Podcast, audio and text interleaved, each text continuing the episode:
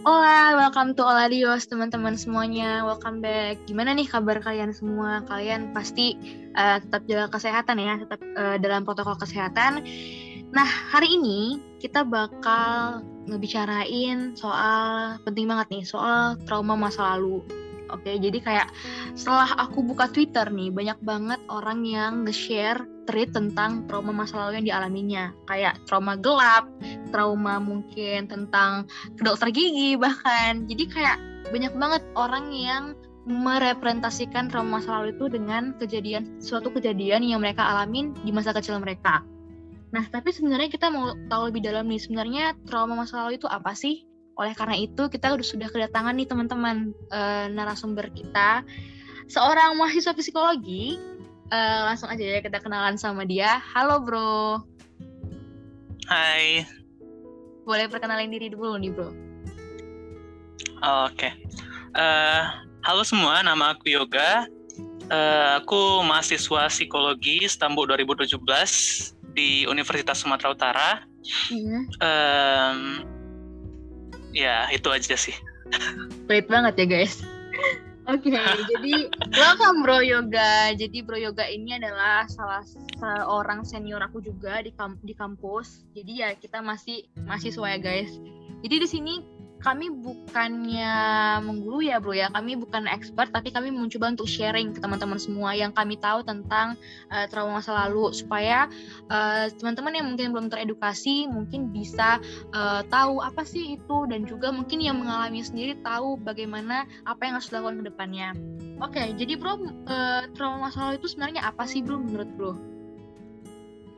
Uh, trauma masa lalu itu adalah sebuah kejadian, sebuah peristiwa uh, di masa lalu, terutama itu masa uh, perkembangan kita saat uh, hmm. waktu masih kecil, entah di umur lima uh, tahun ke atas gitu, di mana kita itu udah bisa menangkap apa yang terjadi gitu loh. Jadi misalnya hmm. kita itu uh, udah bis di umur lima tahun gitu, setidaknya kita udah tahu apa yang terjadi, tidak seperti iya, iya. anak-anak yeah, yeah. yang uh, balita, karena kadang-kadang balita itu kayak mereka itu uh, tidak terlalu paham apa yang terjadi di sekitarnya gitu kan.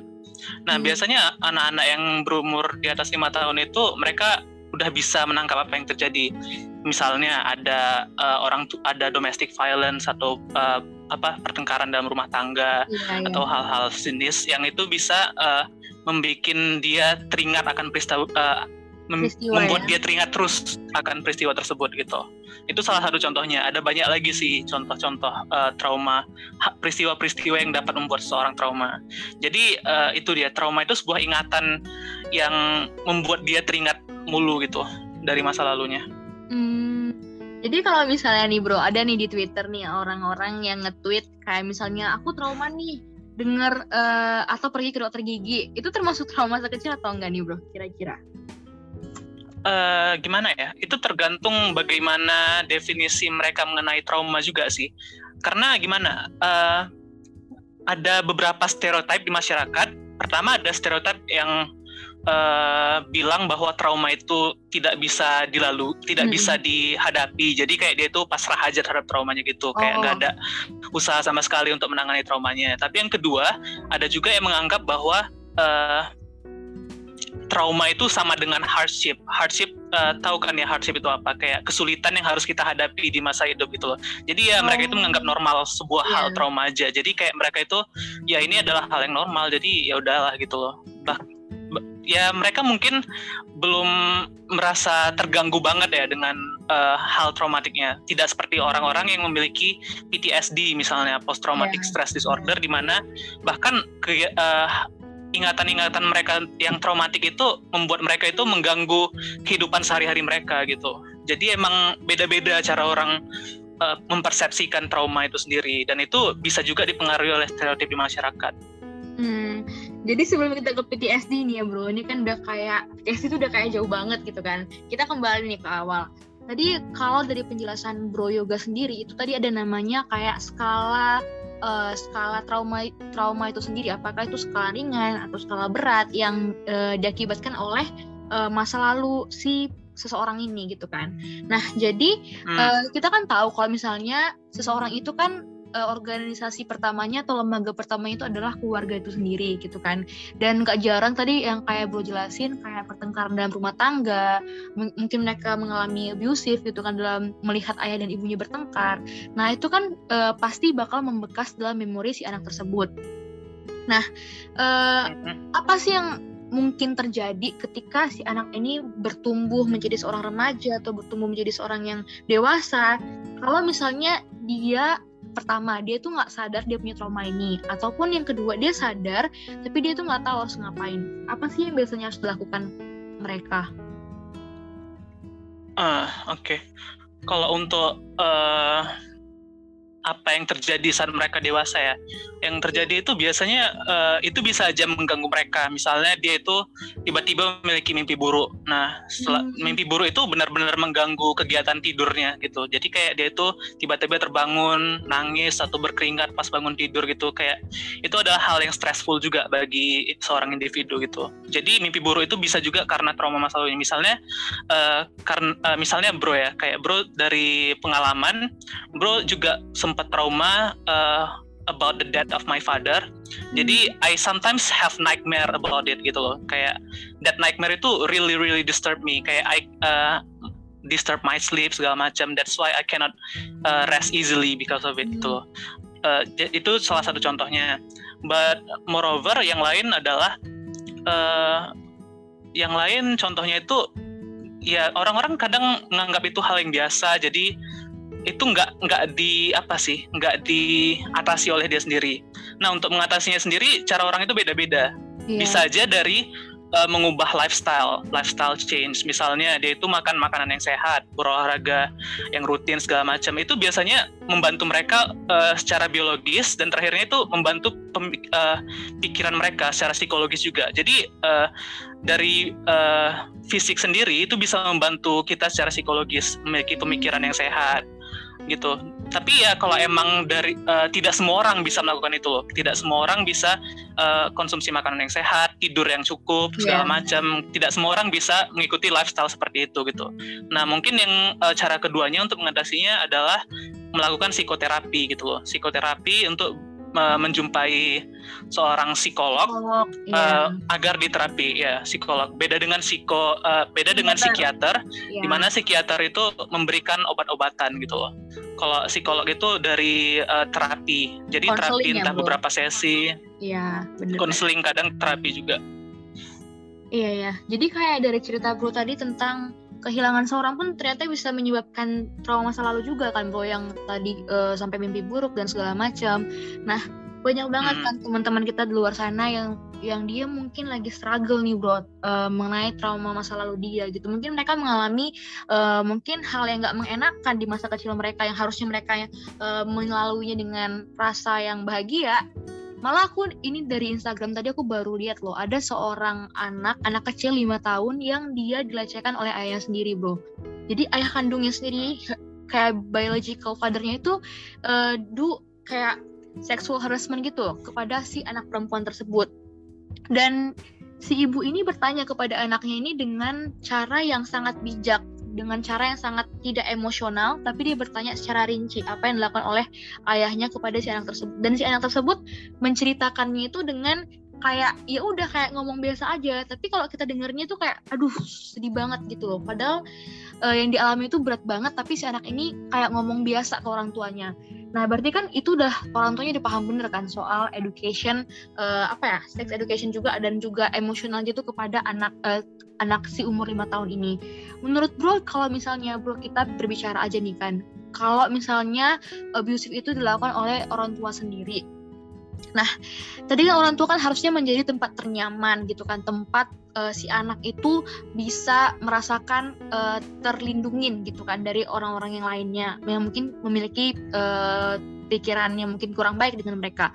Tapi ketika uh, ketika orang tua itu sendiri yang menjadi yang menjadi uh, katakanlah penyebab dari trauma masa lalu itu, apa yang harus kita lakukan, bro?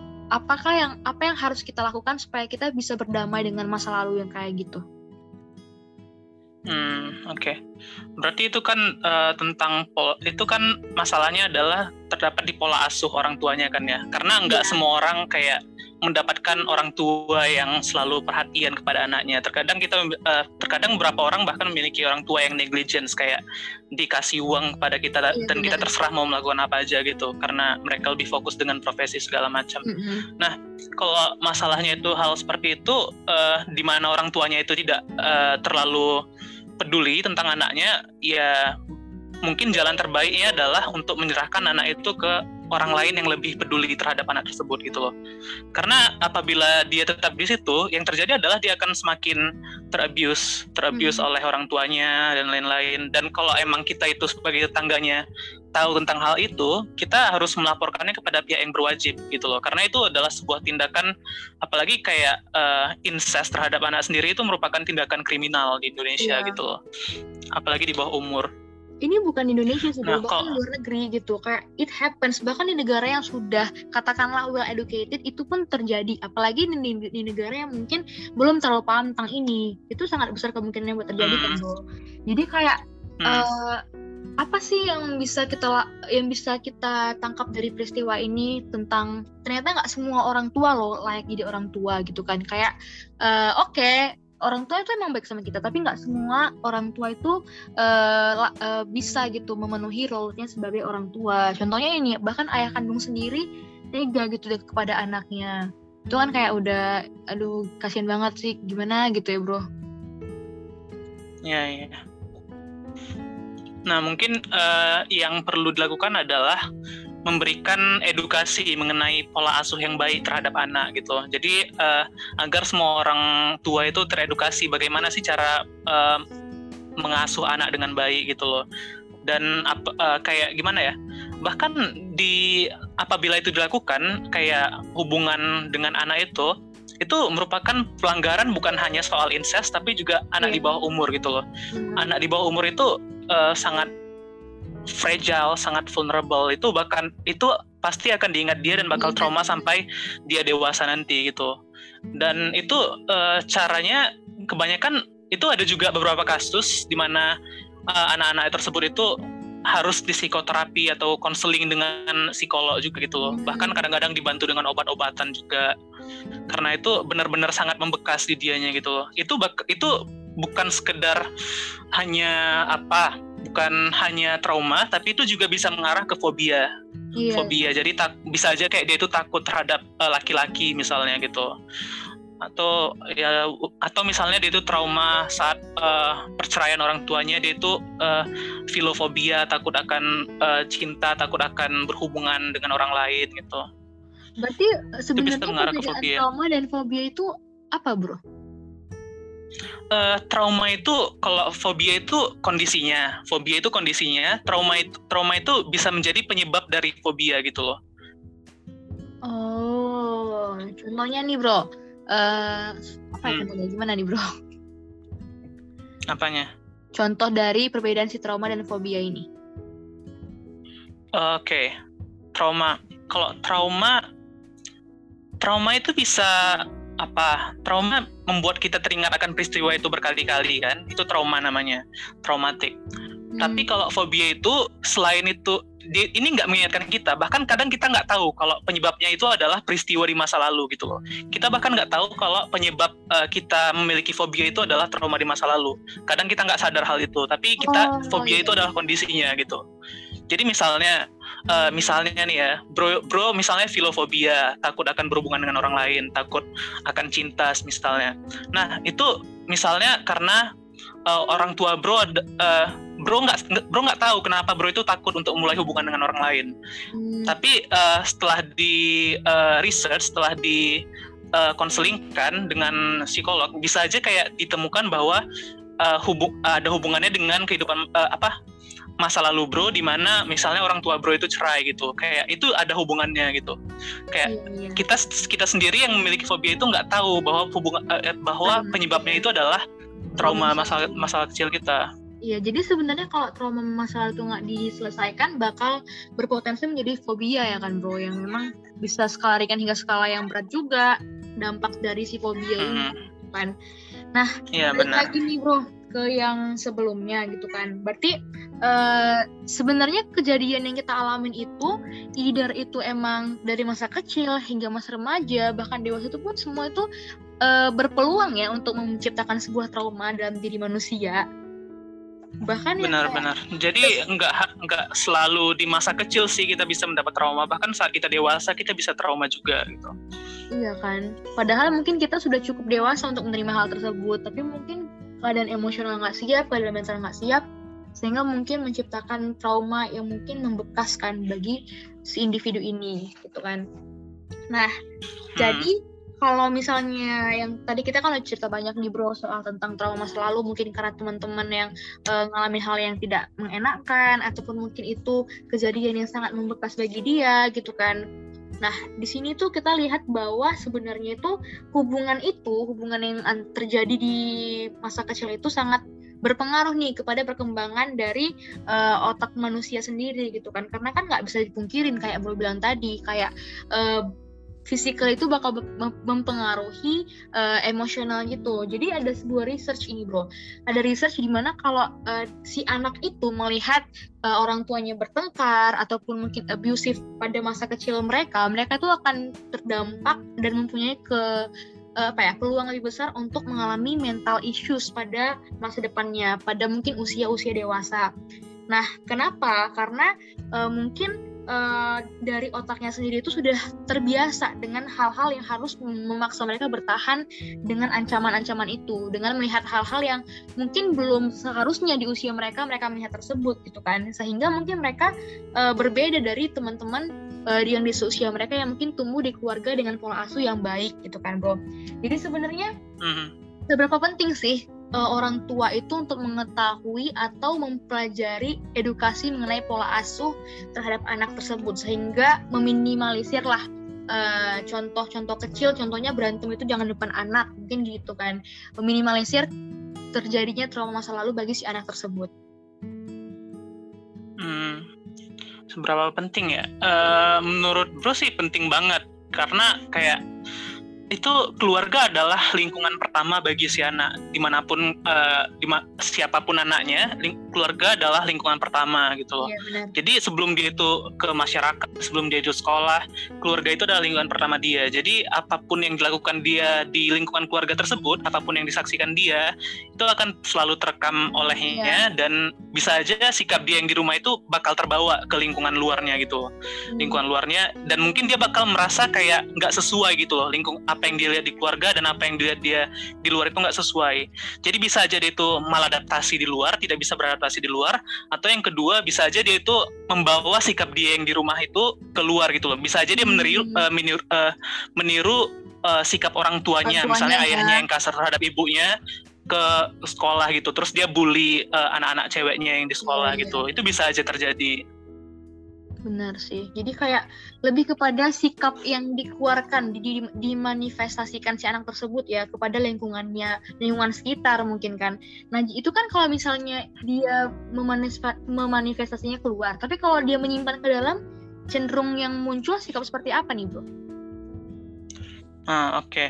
Kalau dia itu simpan ke dalam, dia itu bakal selalu punya pemikiran bahwa itu biasanya dia itu bakal selalu punya pemikiran bahwa I am the victim, I am the victim of whatever happened. Jadi kayak dia punya suatu hardship, dia punya suatu peristiwa traumatik, dia menganggap bahwa dia dia adalah victim. Dan terakhirnya kalau dia itu selalu berpikiran kayak gitu, karena dia itu nggak mau bicara sama orang lain juga, terakhirnya dia bakal uh, selalu punya low self esteem, low self esteem merasa dia itu nggak bakal uh, nggak uh, punya nggak confident enough, kayak dia itu nggak cukup baik di uh, di uh, dibandingkan dengan orang lain kayak hal-hal kayak gitu. Nah, jadi uh, itu sih. Jadi kalau emang biasanya dia itu mendam ke dirinya sendiri itu yang terjadi. Kayak dia itu bakal terus juga dia itu nggak akal akan susah untuk apa percaya dengan orang lain juga gitu. Karena dia itu nggak mau sharing juga lustras ya terhadap orang lain juga gitu kan. Jadi jatuhnya kayak dia tuh jadi kayak ansos gitu gak sih bro? Jadi kayak uh, ya udah gitu kayak aku berbeda dari yang lain. Aku tuh kayak selalu yang kayak bro, bro bilang tadi play victim. Aku adalah korban dari orang tuaku yang mungkin memperlakukanku dengan tidak baik gitu kan. Jadi ya sangat berdampak hmm. sebenarnya ya kan.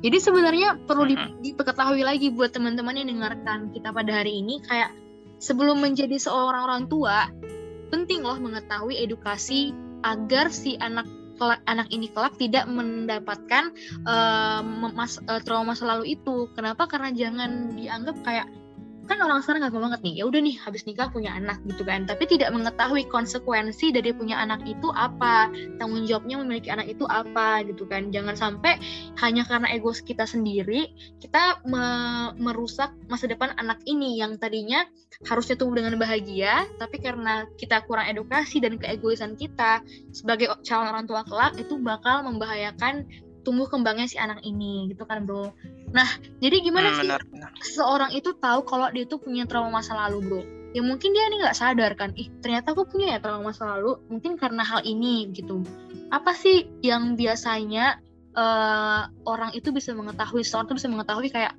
ternyata aku perlu loh berdamai dengan ini gitu hmm, gejala-gejalanya berarti ya apa yang menandakan iya. bahwa seorang itu punya trauma mm -mm.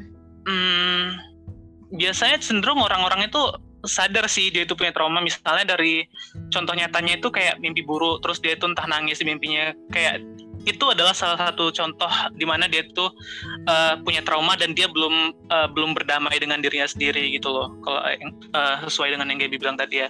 Tapi hal lain adalah bisa aja kayak itu udah masuk ke dalam tahap fobia gitu loh. Kayak dalam tahap tahap fobia kan dia itu misalnya trauma terhadap perempuan misalnya atau hmm. dia tuh takut terhadap untuk berinteraksi dengan perempuan atau takut berinteraksi dengan laki-laki. Nah itu bisa aja kayak itu kan udah masuk dalam fobia, udah masuk dalam takut, tapi dia itu nggak tahu alasan takutnya itu kenapa. Hmm. Jadi itu mungkin yang maksud uh, Gaby kenapa dia, dia itu nggak sadar uh, apa peristiwa di masa lalunya, yeah. traumanya itu gitu. Nah ya untuk biasanya itu sih kayak biasanya yang menandain seorang itu memiliki trauma adalah pertama dia itu akan selalu teringat terhadap suatu kejadian yang uh, sangat buruk bagi dia ke hmm. kehidupannya.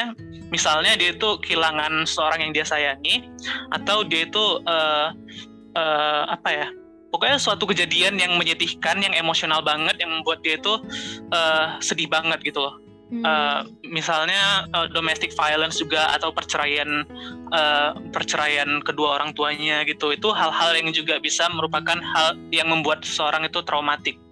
Uh, selain itu adalah hmm, apa lagi ya? Kayak tadi fobia itu kayak dia itu takut ya tanpa alasan yang jelas. Tapi sebenarnya itu bukan berarti dia dia bukan berarti dia apa ya dia tuh nggak tahu dia trauma tapi lebih kepada penyebabnya kan. Mungkin dia hmm. lupa kak. Bukan lupa sih kayak dia tidak menyadari hal tersebut ternyata menyebabkan trauma loh pada diriku.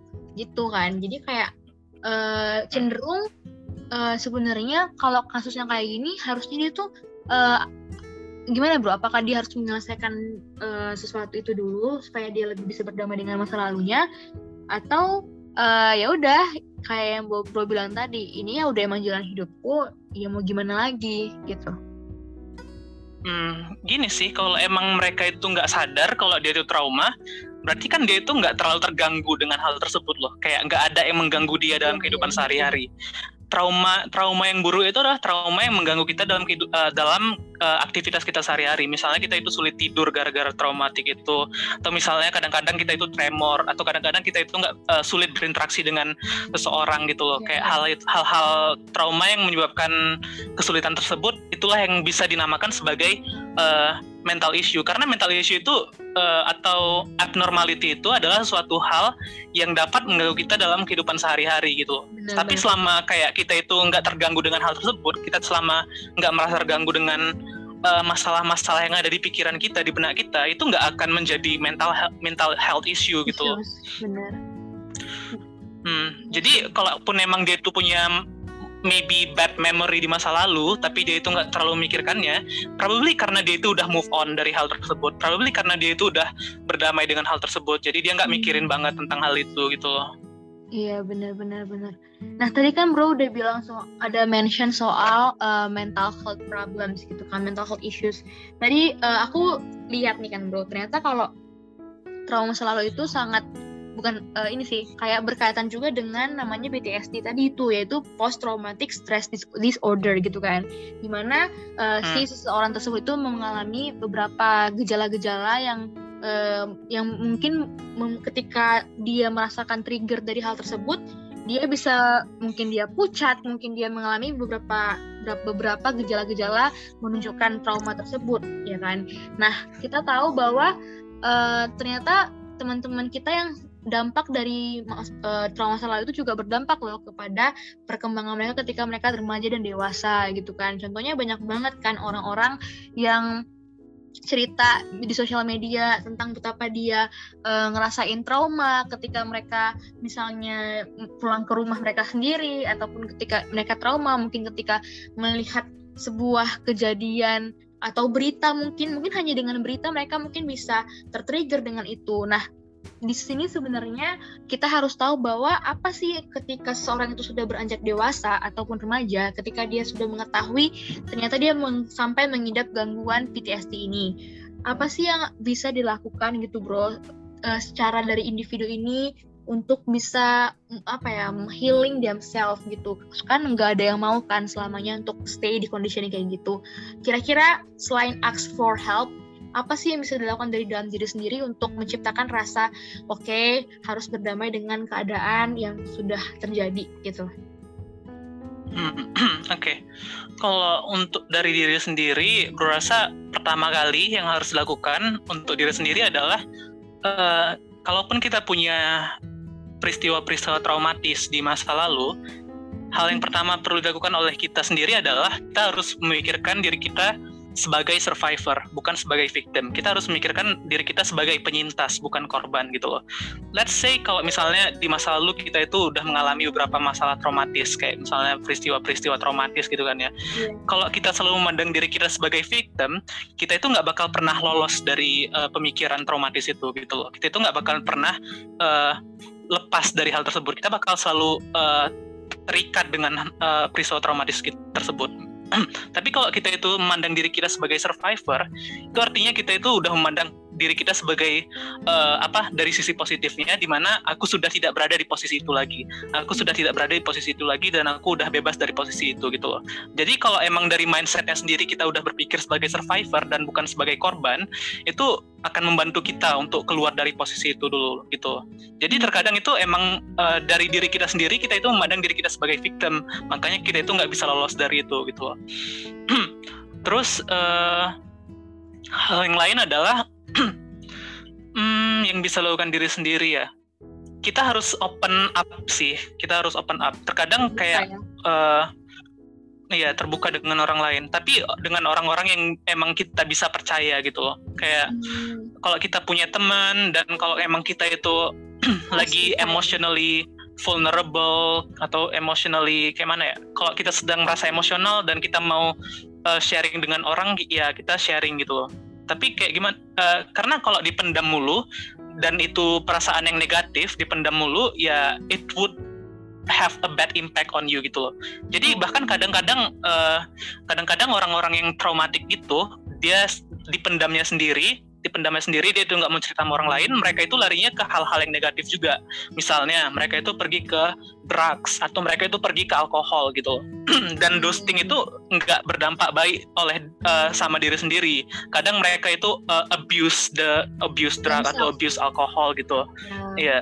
terkadang juga uh, itu apa ya ya itu nggak nggak baik deh intinya. Itu bukan suatu jalan yang baik. Karena it doesn't solve the problem. It doesn't solve the problem. After you're done after you're sober setelah kita itu sadar dari uh, semua zat kimia itu kita bakal the problem is still there. kita yeah. masih traumatik terhadap hal tersebut gitu jadi kayak pentingnya memiliki mindset yang benar sih sebenarnya karena apa yang kita pikirkan bakal berdampak juga dengan apa yang kita lakukan gitu kan bro.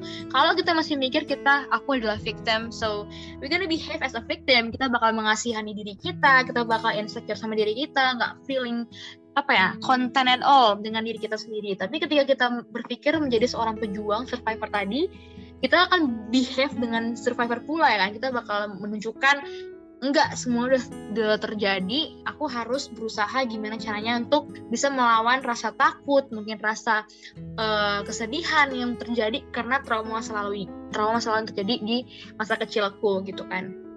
Sangat bagus sih ide bro kayak ini juga teman-teman bisa pasti bisa banget berguna buat teman-teman yang uh, mungkin memiliki trauma masa lalu gitu kan ataupun sampai kepada berdampak memiliki mental issues PTSD teman-teman uh, selain ask for help kita juga harus berusaha untuk menolong diri kita sendiri. Karena kayak nggak ada dokter yang lebih hebat selain diri kita sendiri kan?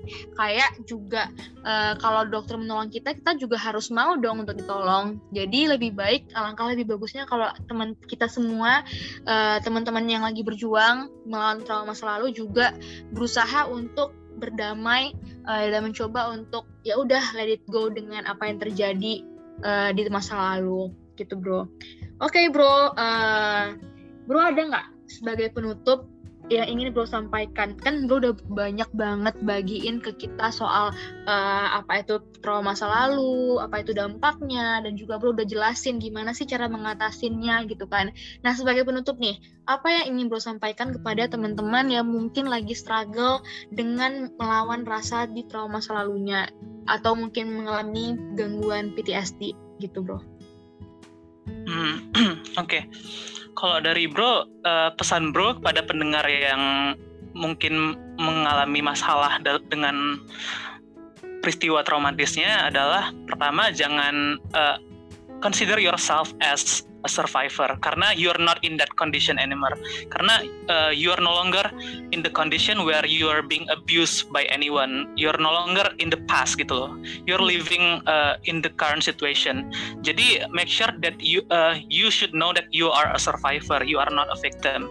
Uh, you are a survivor. And then uh, after that uh, the other thing yang mau bro ingatin adalah uh, eh, most people, kebanyakan orang itu uh, punya masalah traumatis. Bahkan yeah. sedikit orang yang yang tidak memiliki uh, peristiwa traumatis sama sekali itu loh. Yang hidupnya anteng-anteng aja itu cuma sedikit banget yeah. di dunia ini. Kayak Bener most banget. people itu punya peristiwa traumatisnya yeah, sendiri. Yeah. But keep hmm, but keep in mind that after you have uh, after you have solved that problem, setelah kalian itu uh, menyelesaikan masalah tersebut, you would be a better person, you would be a more mature person, you would be a better person lah intinya. Jadi uh, you can uh, you can go through that problem and you can be a better person in the end of the day. So I guess uh, you should also you should not run from your problem, you should solve it gitu.